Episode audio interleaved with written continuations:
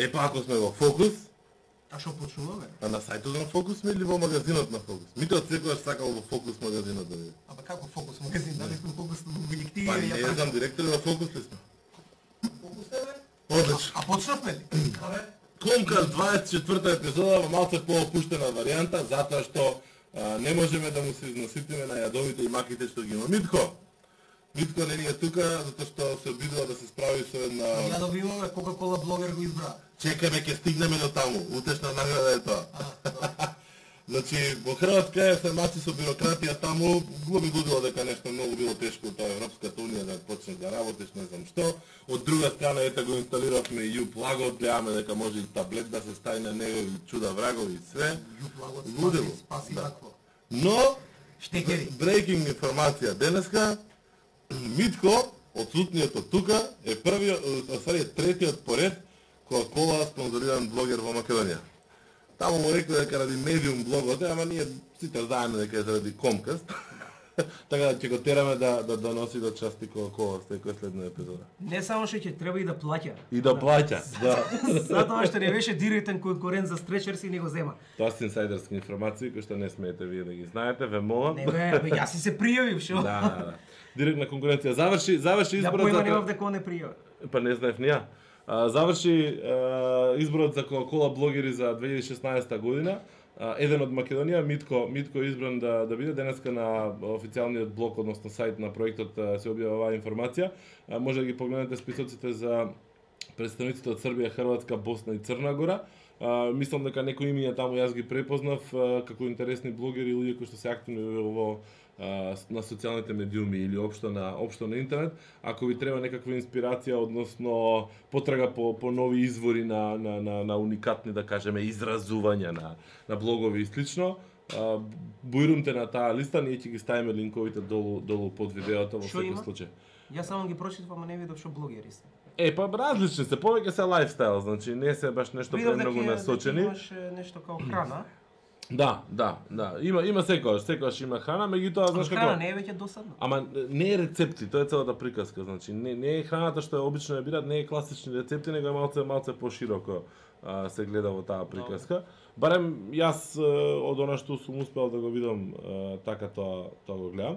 Мене на пример у мојата генерација кола блогери, иако онака малце чудно изгледаше целата таа приказка, фотоблогер, Марио Пое ми беше врв, значи у целата приказка, пошто преку фотографија со многу малку текст и тоа прв пат за тие проекти, за тие објави имаше имаше малку текст, меѓутоа ненормално добри приказни успеваше да раскаже преку фотографија на сами настани или колекции на на фотографии негови на различни на различни места. Така да во принцип форматот по кој што во кој што ќе се објавува не е толку многу важен, иако Coca-Cola оваа година има а, препорака дека нели се предпочитува видео, а, оригинално видео и така натаму.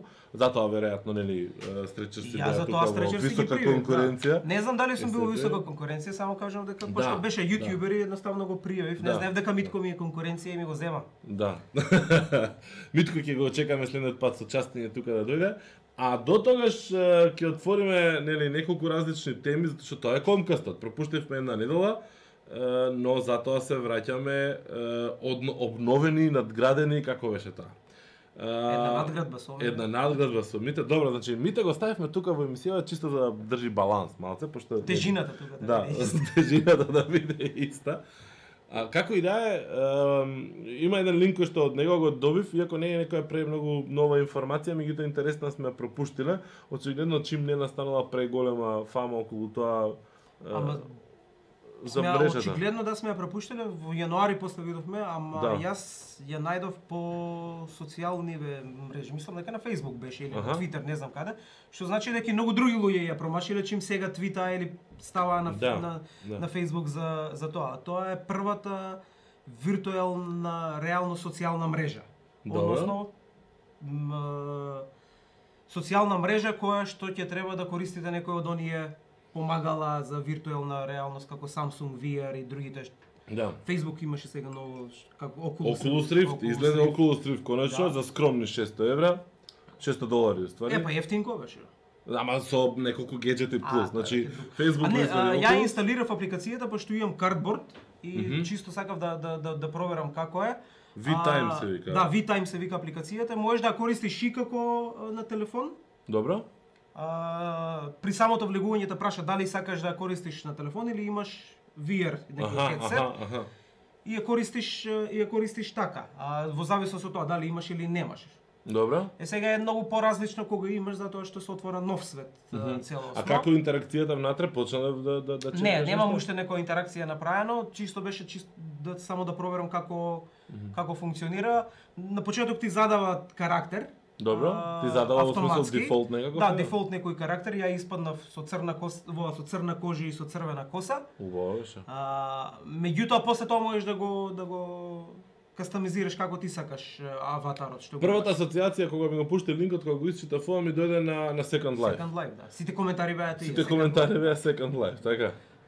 Наново го наново го измислуваме Second Life. Е сега различно е. во времето кога беше Second Life тоа беше виртуелна реалност, меѓутоа не на овој начин како што сега можеш да Тоа доживееш. беше захтевна малце повеќе Да. процесорски, системски, интернетот не беше толку многу брз, нели браузерите не беа толку многу моќни во тоа имавме еден интересно на Second Life сакавме еден проект да направиме, пошто да, уште тогаш јас работев како консултант за за идеја која што прави дебатни дебатни а, турнири и сакавме Second Life да го искористиме за за не за асинхроно, туку за можност за дебатирање на голема а, далечина. Аха, добро. Као тројца се приклучуваат со своите аватари или Добро. четворица како се приклучуваат со своите аватари и дебатираат на одредена тема. Добро. А, ние не успеавме да го направиме тоа. Току Кој беше проблемот? проблемот беше захтевноста баш на Second на Second Life. аха, аха. Меѓутоа еден универзитет од Америка успеа да го направи. И имаше една успешна дебата на Second Life, меѓутоа очигледно и они се откажаа заради може би беше пред времето Second Life тогаш. Добро, имаше таму предавања, концерти, се Имаше, случува да, работи, не, дека не се да. случува. И уште функционира. Ја баш пред не... кога го видов V-Time сакав да видам дали се уште има Second Life, уште уште Мгм, си постои како како сервис. Колку го користат не знам, на вистина. Добро, веројатно за очекување да се појават повеќе вакви мрежи кои што Но, веројатно да. ќе претендираат да се продадат или да да зафатат еден нов дел од нов дел од пазарот а, нели во во таа комуникација. Во секој случај ако нели картбордот е сега толку ефтин, Samsung веројатно е ефтин, имаше мал милион други Колку е за Samsung VR? а, с 99 долари, меѓутоа има кинески или некои слични што се по 50, 40, А, Добро, тоа е прилично 70 долари. ефтин, ефтин гаджет. Да, со тоа што Samsung од Gear е Можеш зависен од телефон, Samsung, да, да. зависен од телефоните, тука му е а, Што значи ќе недостатокот. треба да купиш 700 евра телефон за да имаш 90 долари Samsung VR. Па е, мислам дека со S6-ката последен функционира, што да речеме дека некои 400-500 сега веќе. Да. Што пак не е ефтино, ама како и да е. Добро, тоа е малце и лок-ин политика, меѓутоа веројатно и заради перформансите на самите на самите уреди, мислам а, процесорската моќ што што му Ама не, секогаш позволува. кога излегуваат нови производи, луѓето, мислам, самите компании сакаат да ги затворат во нивниот систем за полесно да да односно профитот да биде поголем, да биде поголем кај нив и да во иднина си се постават на пазарот по поуспешно. Најверојатно ќе во иднина ќе гледаме отворени платформи за за VR каде што нема да за, да зависи од дали телефонот ти е Samsung или телефонот ти е Па, не дека сега нема, ама Ако добро сваќам јас сега со со со Google Cardboard. Со Cardboard, да, можеш било кој телефон, да, било Значи еве со тетата јас имам таков дел со поделен екран што може да се стави во Cardboard баш да заврши Да. и ќе го и ќе го тестирам. Cardboard, тоа, ќе го да. тестираме. Супер. Супер. Да, меѓу време Значи да. имаш едно, еден баркод што е на самиот. Мгм. За апликација, зашо не? Не, не, не, не, не. Значи ко- кога го симнуваш Google Cardboard како апликација, значи Добро. треба да симнеш прен Google Cardboard Добро. апликација за да може да функционира сето тоа. А, и за да функционира на најоптимално ниво, а, има Google, односно на самиот Cardboard има баркод, Добро. а, односно QR код, Добро. со кој што го скинираш ти преку самата апликација Добро. и он прави а, спојување помеѓу телефонот и а, кардбордот. Односно најверојатно размену да се разменуваат некои информации прем со апликацијата што инсталирана најверојатно му дава информација преку на, на самата апликација преку QR кодот Така. дека тој телефон е LG G3 на пример. Аха, аха, и има некои седмици што внатре се поместуваат у Па Cardboard. нема никакви сетензи освен едно копче што имаш што функционираш со него дали кликаш next, дали кликаш Аха, нешто. Нема аха, нем- нема аха. ништо посебно, вај да го прави. Јасно. Оно функционира и без да го направиш да степчет ли не става? Snapchat не става. Оно функционира и без да го, да го направиш спарувањето, меѓутоа најверојатно е подобро со спарувањето. Препорачува да го направиш спарувањето. Добро, во секој случај сега ќе очекуваме алатки и, и, и гаджети кои што ќе овозможуваат лесно креирање содржина за виртуелна реалност или за било каква друга, нели, таква 360 околина а, од самите корисници. Мислам, јас Рико тетата камерата ја земав, а, баш за тој за земав и сакам да земам картборд за да видам тоа како изгледа, пошто почнав Да. 360 да да работам. Прилично окей изгледа, прилично ефективно, мислам супер камерче, допрва му ги онака баш истражувам а, можностите, меѓутоа е онака баш супер за употреба, лесно лесно кликливо за разлика од GoPro, тоа е многу по user friendly и многу подобар user experience има. А, но Доправа тие работи треба да треба да растат. Мислам, го Моментално- Samsung го извади Oculusот, а, се зборува се зборува се шушкаше дека и YouTube ќе направи некој размислува да направи сервис за лайв стриминг на 360 видеа. Постои еден јапонски сервис веќе кој што овозможува преку рикотетата да се стрима лайв стриминг, со што треба ненормално многу добра конекција и некои такви работи. Меѓутоа како и да е, технички одат работиве натаму, така да и ова што е со со како беше VR Time, веројатно V-Time, да. V-Time. Така беше V-Time беше? V-Time, мислам. дека. Да, V-Time, а, не бе, Ева, V-Time имам- беше, да. А, имаш ти V-Time cardboard, да. Е.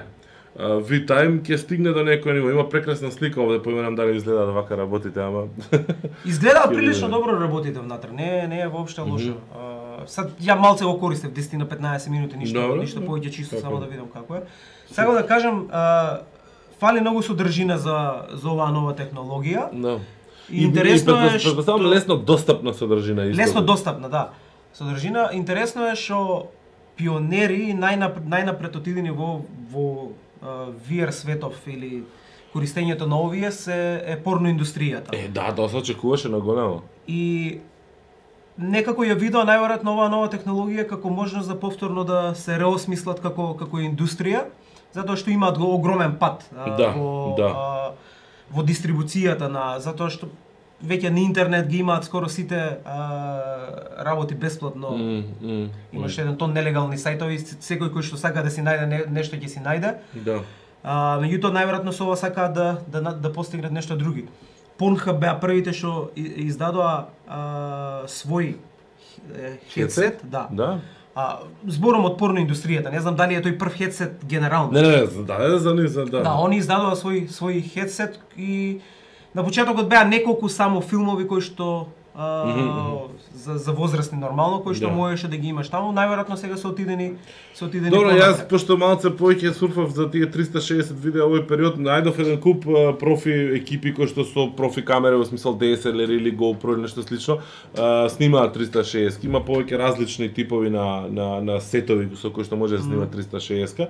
А, тука проблемот е стичингот, односно лепењето на видеото. Значи има дополнително софтвери кои што го прават тоа, да биде вака така или онака. Има различни сетапи, мислам има накви глави кои што на кои што ти монтираш камери, дали се тоа ем, е, како се ка DSLR или GoPro, значи има некој некој некој сетап за за GoPro со 6 GoPro камери што го ставаш, Да. е, што е прилично онака е, искап да ти кажам право. Мислам со се камерите испаѓаше некаде околу 7-8 илјади а, долари да го знаеш. Па рачунеш 6 камери GoPro се Да, да, се во прашање.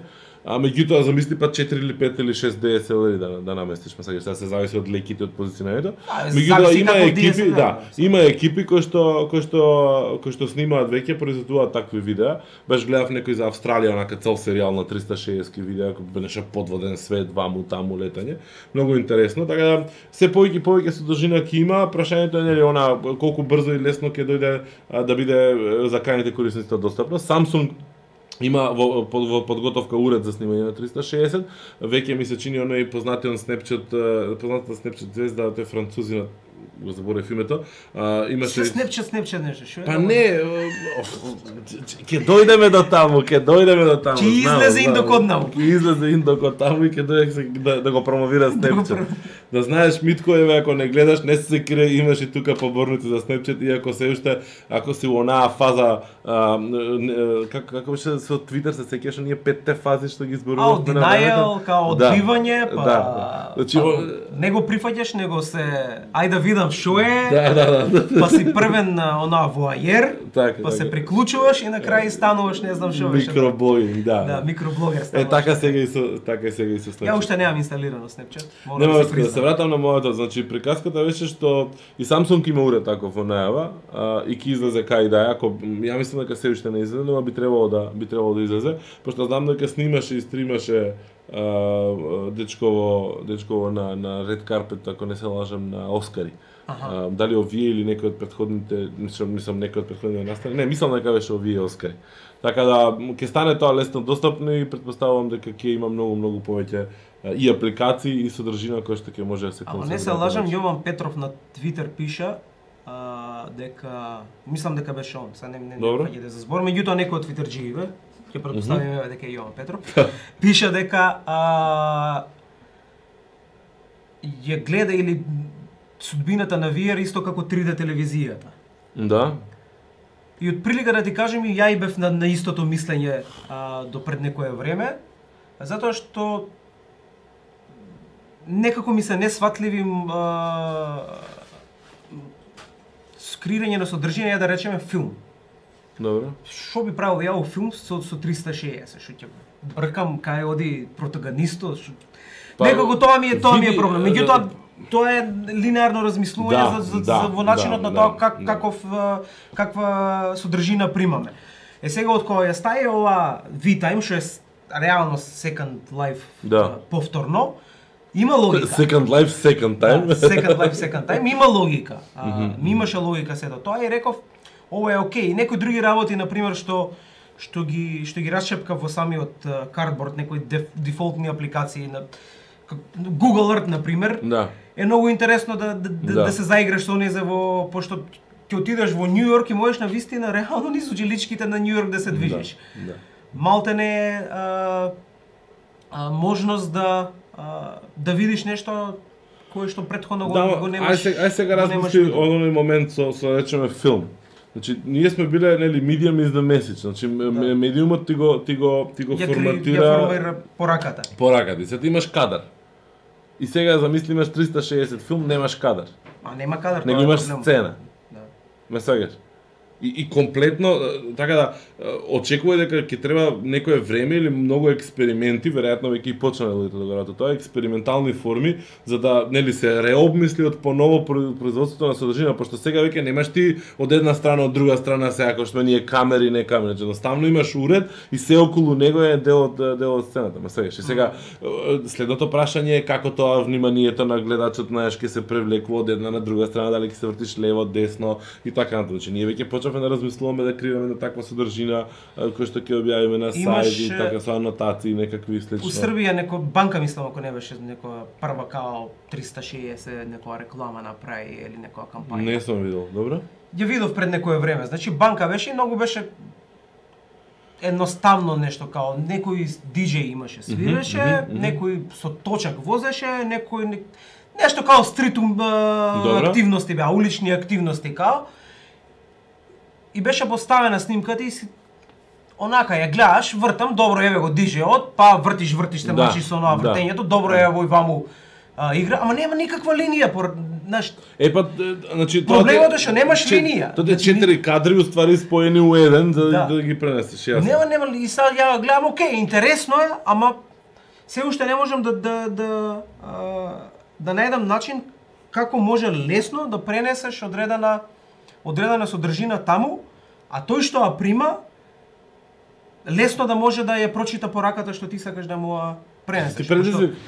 Пошто, пошто тоа Ти предизвик. Да, предизвик е не дека не е, ама еве на пример се освен вау ефектот направиле 360 реклама, немаш ништо добро, друго. сега во моментов тоа е целата приказка.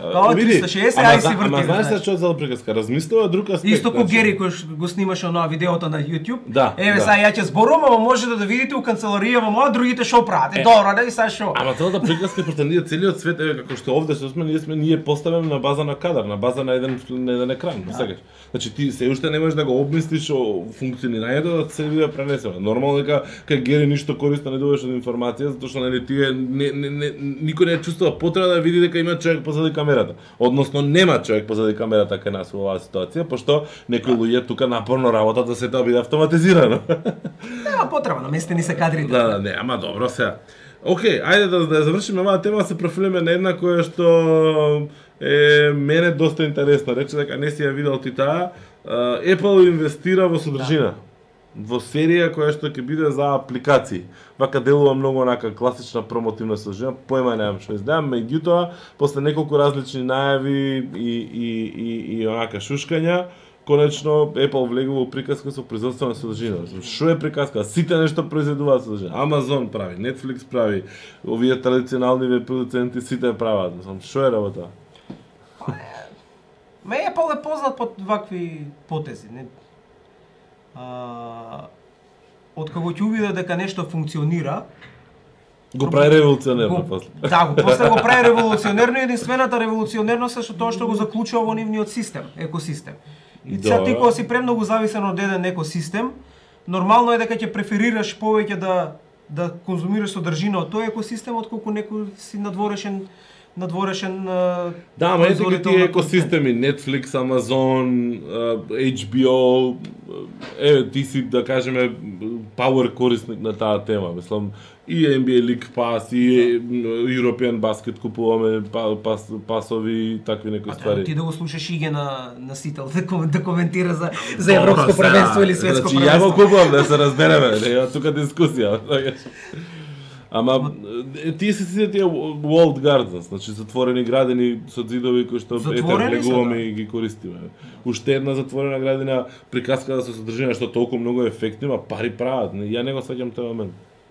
Па прават пари очигледно од содржината, не дека не прават. Мислам, да, револуционерноста нивна, нели беше кога успеа да ги натераат е, на, еп- на iTunes луѓето да продаваат една една Добро. песна за, за, за еден за помалку од долар. Добро. И ги затворија луѓето во тој екосистем. Многу луѓе куп... само во тој екосистем функционираат, не функционираат Да. надвор. Е, на пример, ја на Google Music од кога отворија за Македонија, ја повеќе не не не гледам првен да најдам некое пиратско а, издание, Јасно, јасно. туку првен гледам во Google Music дали ја има. Ако ја има, оттаму ја ја симнувам. И Сега Google Music има и содржина која што со самата претплата ти е целосно бесплатна, Да, ама да. има и содржина која што ако си ти претплатен секој месец плаќаш по 5 долари, некои содржини, па мора да доплатиш за да ги за да ги И имаш. плаќаш ти тие 5 долари месечно, така? Да. И си прилично онака задоволен свај Па види, ја не имаш- користам, не користам многу, не слушам музика на телефон. А, Добро. Слушам музика кога сум дома и слушам музика кога сум Во кола. Не во кола, на работа. Аха. Во кола слушам што и да било. Добро. А, не ми е не ми е толку битно. И повеќе го користам од десктоп и преку Chromecast Google Music Мгм, отколку мгм, како корисник на, на, на телефон. Никош не сум слушал на телефон музика. Да, дали поради тоа што ме одвојува од природниот звук кој што е околу тебе, тоа обкружа, никош не ми било пријатно слушањето. Тоа по пошто не трчаш покрај вадар за тоа. Па и да трчам, не знам, чудно ми е, порадно да си го слушам срцето како ми чука отколку отколку некоја музика. Али а, али задоволен сум, генерално ги има ги имаш работите што што што што ми притребале, дури и некои обскурни бендови ги има. Да, а джез? Да. Има, джес има доста. Има доста? Да. Па тоа е најлесно затоа што тие имат нај нај е, Да, ама има многу работи што ги не, пример, ја гледам пошто брат ми исто пасиониран джезер, мислам знаеш тоа.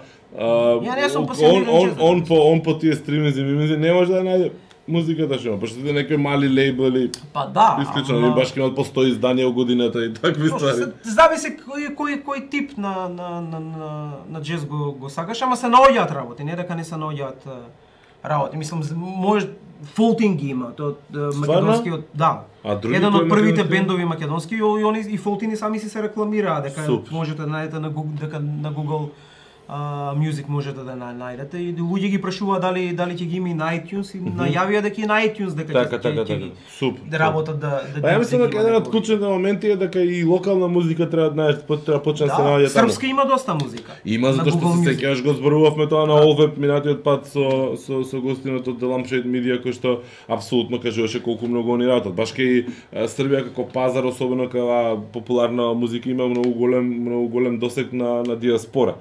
Имаат ненормално многу прегледи Да, по да, да, YouTube да, и да. по сето сите други канали заработуваат, реално заработуваат тоа.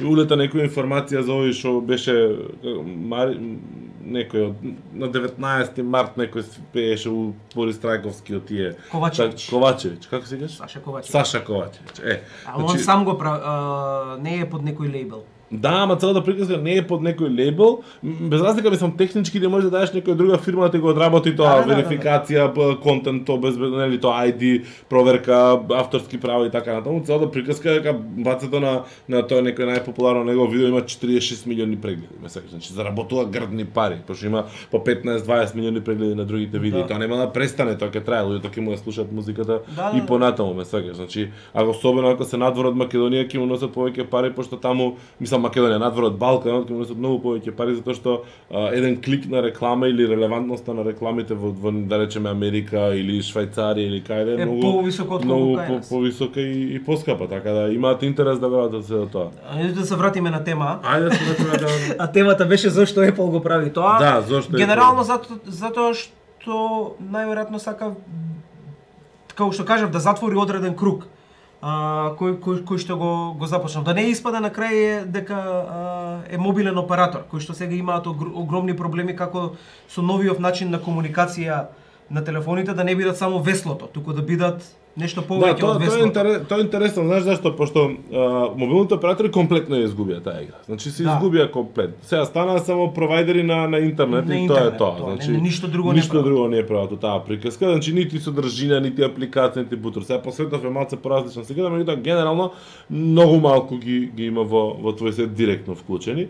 А, овие големиве други брендови, тек, тек брендовиве, типот на, еве ги, да речем, па и Амазон, да го кажам, нека биде некаков тек бренд, влегува во, во таа содржина за да ги, нели, за да извадат и, и они максимум. Тоа влегува и Apple во таа приказка и се одвојуваат од тоа дека Apple ти е провайдер на, на телефон, на, на гаджет, него, нели, провайдер на содржина, провайдер на услуга, као некаков си маркетплейс, а сега дополнително и оригинална, и оригинална Најверојатно затоа што сакаат интегрирано решение да Мене ми, мене ми е да. интересно пошто премногу луѓе одеднаш мислам онака влегуваат, премногу големи компании влегуваат во таа приказка, ама Yahoo на пример се изгоре комплетно, значи Да. они они ја промашија целата приказка.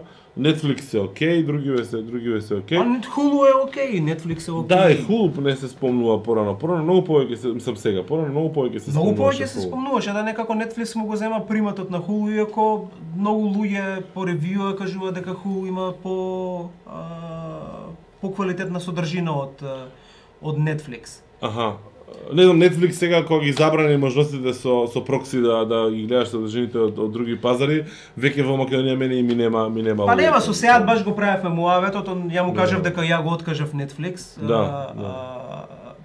Особено заради тоа што ги откаж да ги проксито ги откажува и сега ти ја плаќаш истата цена. А, Да, да, да, да, Дури нема повеќе. содржина. Тој во Америка плаќа 10 долари, ние плаќаме на пример 10 евра за Да. два нели Да. екрана да имаш. Да, да. И сега се, се зафркававме со со Сеат, тоа ти е ако тој во Америка да плати за NBA League Pass 100 долари, ние тука плаќаме 100 долари, ама мене ми вика дека можем да ги гледам само Филаделфија, Да, да, Лейкерси да, да, и Никси, кои што се Фенерджи доле. А Да. они може да ги гледаат Golden State Warriors и а, и сите Да. други што што се топ екипи сега. И на вистина нема логика, освен ако не најдат некој начин Ако тргнеме и од самото тоа дека за Македонија на пример, не знам како е во другите региони, ама за Македонија, ама најверојатно е чим за Македонија не е достапно. Оригиналната нивна серија што е најпопуларна, House of Cards, Да. не е достапна. Не е достапна. Не е достапна. Зошто? Затоа што они ја произведуваат, меѓутоа правата за дистрибуција ги, продале има на HBO. друг. Да, да, да, ги продале на некој друг. И сега само во Америка Netflix House of Cards е, на Netflix House of Cards е достапно затоа што таму правата ги Ме има. интересира сега од кога мислам дали негде можеби се сретнала информација, пошто не сум читал баш многу на оваа тема, од кога отидоа глобал, значи Netflix, дали најавуваат промени на тие стратегии во поглед на лицензирањето на содржината или знаеш за воиднина или едноставно ќе се задржа таа политика ако можат на некој друг да му ја шитнат за друг пазар дека ќе го направат тоа. Па са, PR текст има во кој што тврдеа дека а, они работат на што е можно повеќе содржина да биде достапна за тоа. Тоа е да, класичен bullshit. PR Да, текст, bullshit, ништо, ме разбираш. да, да. Купете го вие, па може би ќе Да, ви да, даеме да. некоја содржина, Да, содржина, да, листата, листата на канали не е конечна. Да, листата на канали не правото да задржуваме правото да ја промениме листата на Да. канали. Тоа е, ама повеќе од тоа не нема. Да. Видите, они се се борат со со закони кои што важат за еден друг свет. Да. Малце постар свет во кој што биле создадени законите за корист, за користење и дистрибуција на авторските права. Они се одреден на одреден начин некоја си а, технологија која што го нарушува тој а, а, тој тој пазар Да. и сега мора да се смислат нови правила на игра. А Не, најверојатно овие што ги имаат до сегашните правила не сакаат да ги менуваат пошто тоа им е Им прави пари, да, им прави пари, нема зашто да ги тука менува.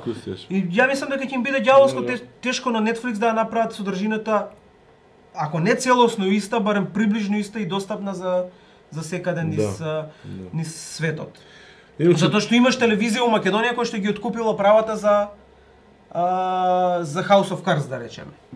Ако не се лажам, македонска телевизија ги има сега. да, Почна да го дават не, на македонска Телма не телевизија. а Телма Black Mirror ги не јавија. Black Mirror ги најавија тело. И сега како се бориш со Иначе со нетрпение ги очекуваме новите епизоди на Black Mirror. Black Mirror? Ги има? Да бе најавија. Најавија, пошто Да, направија да, да, да. Christmas special тогаш Не, не, не, најавија, некој ги откупи, некој да вие други Аха. Амазон или нешто слично ги откупи. Супер. Ги откупи ќе има нови. И сега како ќе го решиш тој тој конфликт тука? HBO му ги продал правата на на, на Не, МТВ. не е конфликт, прашање до кога тоа трае дали Да. понатаму ако пак се понуди шанс, по, укаже шанса дали HBO пак ќе му ги продаде или Да, и тоа се се временски ограничени права. Да, да, Пошто апсолутно. кога македонска телевизија ги купува, да, се бројни комплет. емитувања се комплет. И сега прашањето е тоа дали се за Friends, за Friends, не. Да, за Friends и за Seinfeld. И за Seinfeld, да. И Seinfeld и веќе уште прави пари од од продажбата. Шо му е друга работа? Си го одработил своето животот, шо се? И тоа е проблем, са што ќе биде? Да, као кој ќе откупи некоја телевизија тука кај нас за да за да прикажува таа содржина, па не сме Netflix да да прикаже таа, затоа Чекаме малку да се вратиме на модерни, доста за телевизија ми правиш. Ќе испадне дека телевизијата се нови медиуми, ние сме актуелни. А не, ова се нови за пристапи Snapchat во- да кажеме нешто. нови пристапи во да, се зезам. Не, добро, окей, како и да е интересна е темава, ќе видиме што ќе се Ќе видиме. Apple што ќе направи на таа на, на, на тоа поле. Ја не мислам дека ќе направи било каков помак во, во либерализација, напротив. Не, напротив ќе може се само по повеќе да ги сплетка работите Да. и повеќе да ограничување да стави, меѓутоа а, сакам да видам дали ќе успее уште еднаш со својата револуционерна а, логика Apple, на Apple, размислување одамна, Apple одамна веќе од кога Тим Кук дојде, они се добри, прават повеќе пари, меѓутоа ништо не не реизмислиле онака А пред за да некој ден го правев тој поразлично, тоа. и многу луѓе тврдат ако беше Стив Џобс никогаш ова не можеше немаше да го дозволи да се случи, као на пример дека моментално имаш шест различни производи на iPad-и, Да, шест да, да, различни да, телефони, апсолутно, да. као Тим Кук, ова, Стив Џобс, знаеше, имаш еден и предходната генерација можеш да ја купиш и тоа. Да. И сега прашањето мене ми беше, а дали немаше да, да, да, да таквиот пристап на Стив Джоб, ако он останеше таму, да доведе Apple повторно во а, критична ситуација на банкроти и така натаму, ако не му не, не не го правеше пари Стив Џобс. Не дека не правеше, да, правеше, ама- ама- се прави многу повеќе. Ама Проблемот е изворот дали- не ми уредите, изворот е изворот е другите. дали, дали, дали немаше да, да, да се доведе до ситуација па управниот одбор на Apple да го избрка Стив Џобс за тоа што, абе чекај човек, окей ти со твоите визии, ама Дај бој, нека има Да, бој. нека има Стај Роуз бој, Голд, да. ме сакаш. Управниот одбор да го избрга за што Стив Џобс нема шанса да прибаде ген- Роуз Голд. Али генерално сака да се качат на вагонот кој што носи пари. Моментално носи доста пари. Мм. Netflix заработува доста пари од од целата таа дистрибуција. Да. Уништија цел цела индустрија Netflix на изнемување на касети и CD-ња во Да, Америка добро, со јасно. со тоа. Добро, тоа беше умирачка технологија, али нивна беше таа во секој случај. да, ама тоа. А, три други кратки теми имам, ќе привршуваме пошто доста е више. Прво, многу е добар Snapchat. Значи новиот Snapchat, значи има лайв видео, има ова, има она. Индок така ли е? И има еден нов поборник на Snapchat кој што ако просурфате малци и по моите Facebook статуси и по намите Facebook статуси ќе видите дека е нов многу тазе поборник на Snapchat, значи ете го таму позади ни мафта, позади кај мене ни мафташ ли? Не, ни мафта ни си лјути. Се смее, се смее. Значи, пазите се, Индок 2 е, е достапен на Snapchat сега и не може да престане да го користи пошто многу е лоша апликацијата, пошто не може мана да ја најде. А тоа знаеш што е како лош виц. се смееш че е лош, Snapchat го користиш што е толку лоша апликацијата. Да, да, да. Ја немам Snapchat. Чекај, сад може тресам глупости, никош не сум кажал, ама а, ама не сум добил жалба да инсталирам Snapchat. Единствена моја конекција со Snapchat е тоа што читам вести за Snapchat. Не, види, значи И читаш што го зафркавам Митко за Snapchat. Читаш, читаш вести за Snapchat и ја не го користам толку многу на редовно на редовна база, ме сакаш дадени ситуации, меѓутоа фактот дека младата публика е таму, доминира, многу време посветува таму и едноставно, значи ќе се поише и поише ќе слушаме и ќе гледаме, затоа што едноставно младите се таму, а тие се битни за мал милион други други активности. И затоа што Ко, на пример, утре- младиот играч, руки играчот на Лейкерси, Дианджело колку години има? Расел. Па 19-20 години. Е, значи таман. Тоа е публиката. Иначе да- приказната е дека а, Дианджело Расел, сега тоа е неговото извинување. Иначе, како тргна приказната, наједнаш се најде некое видео во кој што а, неговиот соиграч Ник Јанг, познат како Свеги Пи, иначе свршеник на Иги Азеела, која што е австралиски рап, да. која што е австралиска рап звезда, Абе, стречер си после ќе се снима, е, шо е мало. Каже ми устречер си тоа. А, а, го праша... Австралиска рап звезда. Да, бе, австралиска од Австралија. Како може австралиска рап звезда да? Па има голем газ, а туди тоа е доволно за да видиш рап звезда. И И бутилише се, добро, нема голем газ, бутилише се да не видам. А, а, значи во насока на Джейло, Бионси, значи тоа. така, тоа да крило. објасниме за за Да. ги за ги коите гледачи на Комкас што Да. не знаат што е И бутилиш. значи, а, он го снимаше го снимал со Snapchat, Аха. као сакал да му направи Snapchat пренк, со тоа што ќе го праша дали као ја вара а, Иги. И све ги пи кажува дека ја вара на, на самото и са а, после тоа излезе по медиуми самото видео. Мгм. И голем проблем нормално настана првен во довербата кон самиот играч, а, со играч, сите го из- го изолираа. Меѓутоа тука е интересна работата баш за младите кои што се несвесни а, дека дури и таков сервис како Snapchat кој што тврди дека го брише одме и не стан а, видеото прекинува да постои, дека е дури и на таков сервис некој може да го снимне видеото. Значи Дианджело Расел си извини и кажа дека ја не бев свесен дека некој може да зачува видео од Snapchat. Сега, дали е тоа вистината или не е тоа вистината, можеме да претпоставуваме. Меѓутоа тоа е неговото официјално а, објаснување дека некој го видел видеото, дека он го И направил. го прераскажал.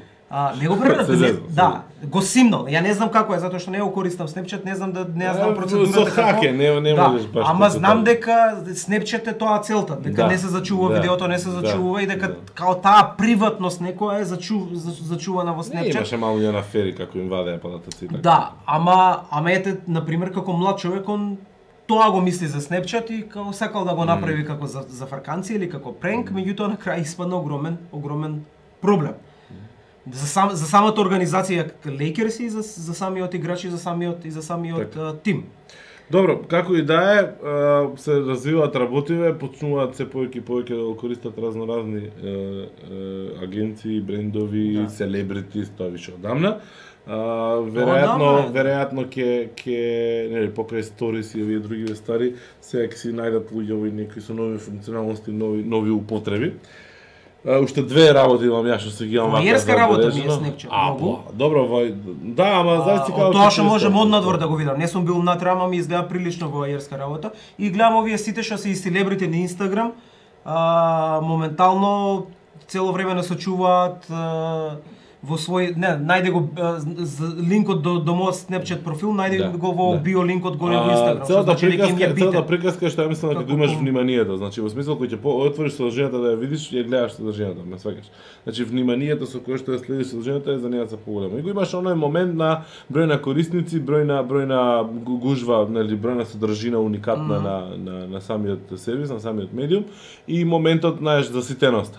Така да, веројатно на Snapchat е на- во моментов најнезаситениот медиум или да. најлесно најлесен за конзумирање медиум, кој што имаш онака bits and pieces, кратки, брзи информации, дали слики со текст, дали кратки видеа, кои што онака баш даваат за шанса да да да да да и го имаш вниманието на на твојата публика. Мислам сега зборуваме од селебрити гледната гледна точка.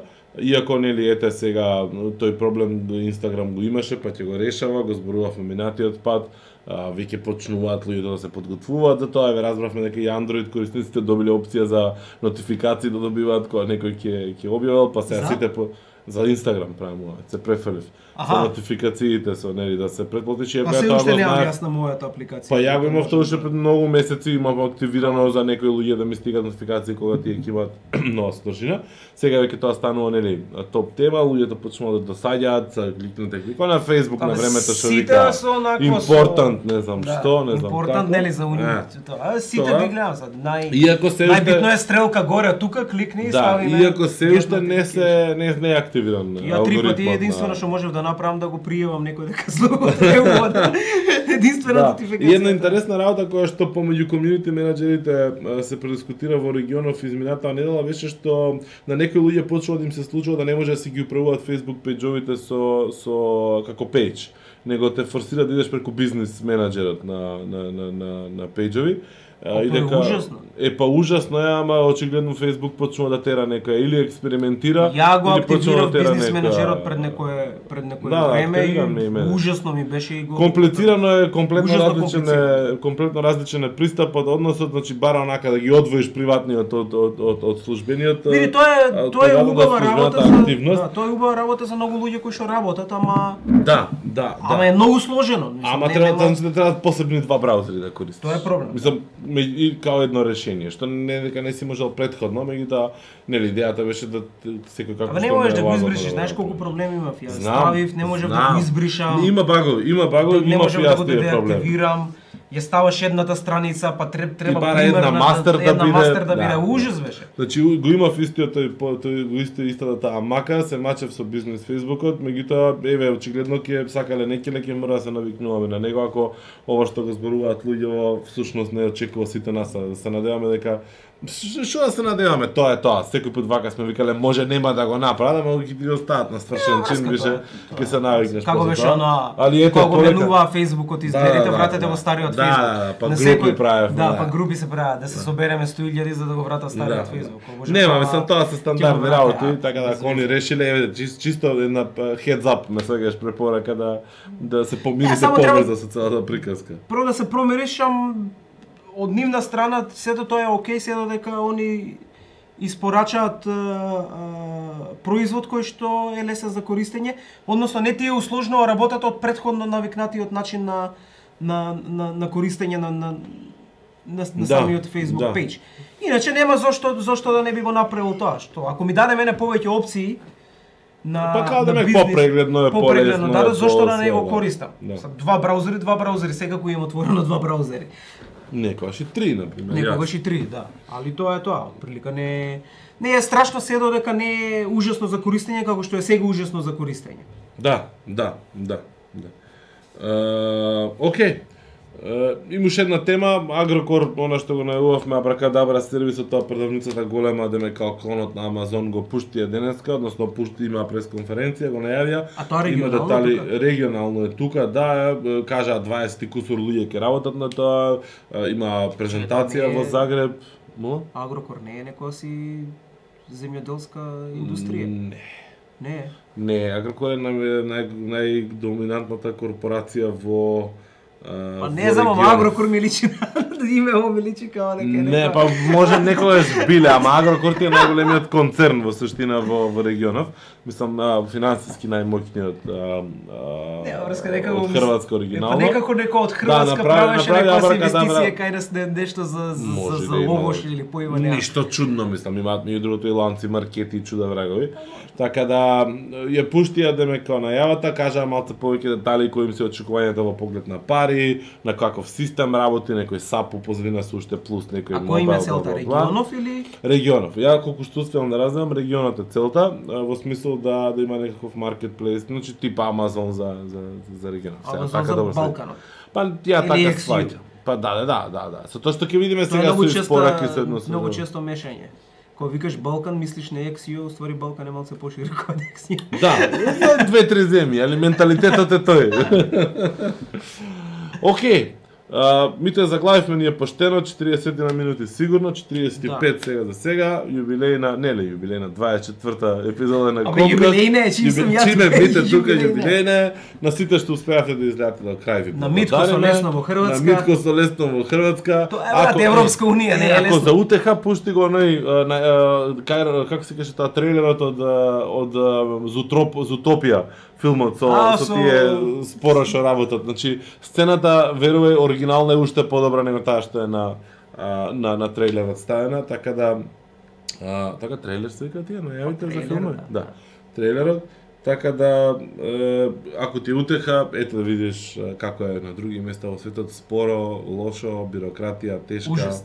Е да, иначе имаме е, априлска и, и, и, и, и, и мајска турнеја веќе у најава со конференции настани. Па имам ја турнеја цела. На 14 килом во Загреб за е, настан што го организира Хитит се вика, Digital. Настан што го организира Escape е, студио од Осијек компанијата. Спаркми. Чекај, имаме уште, значи, на, на почеток на мај е а, Самит, исто во Загреб, А, и на крај на мај, на крај на мај е Спаркми. Меѓутоа, повеќе детали за сите овие три настани Во наредната епизода. Следниот комка. Во редната епизода на Бетмен и Робин. Еј, немој Бетмен и Робин, сега се Бетмен и Супермен актуелно, немој така да збориш. Лош бил. Сега тоа е индивидуално индивидуален став на индивидуални Јаве во поединци. Синеплекс као тај да, да, да го изгледам и само први и втори ред, иначе популарен е. Значи 3-4. Се гледаме на интернет. Чао. крати таму, крати им доже. Топ скрининг, така? Е,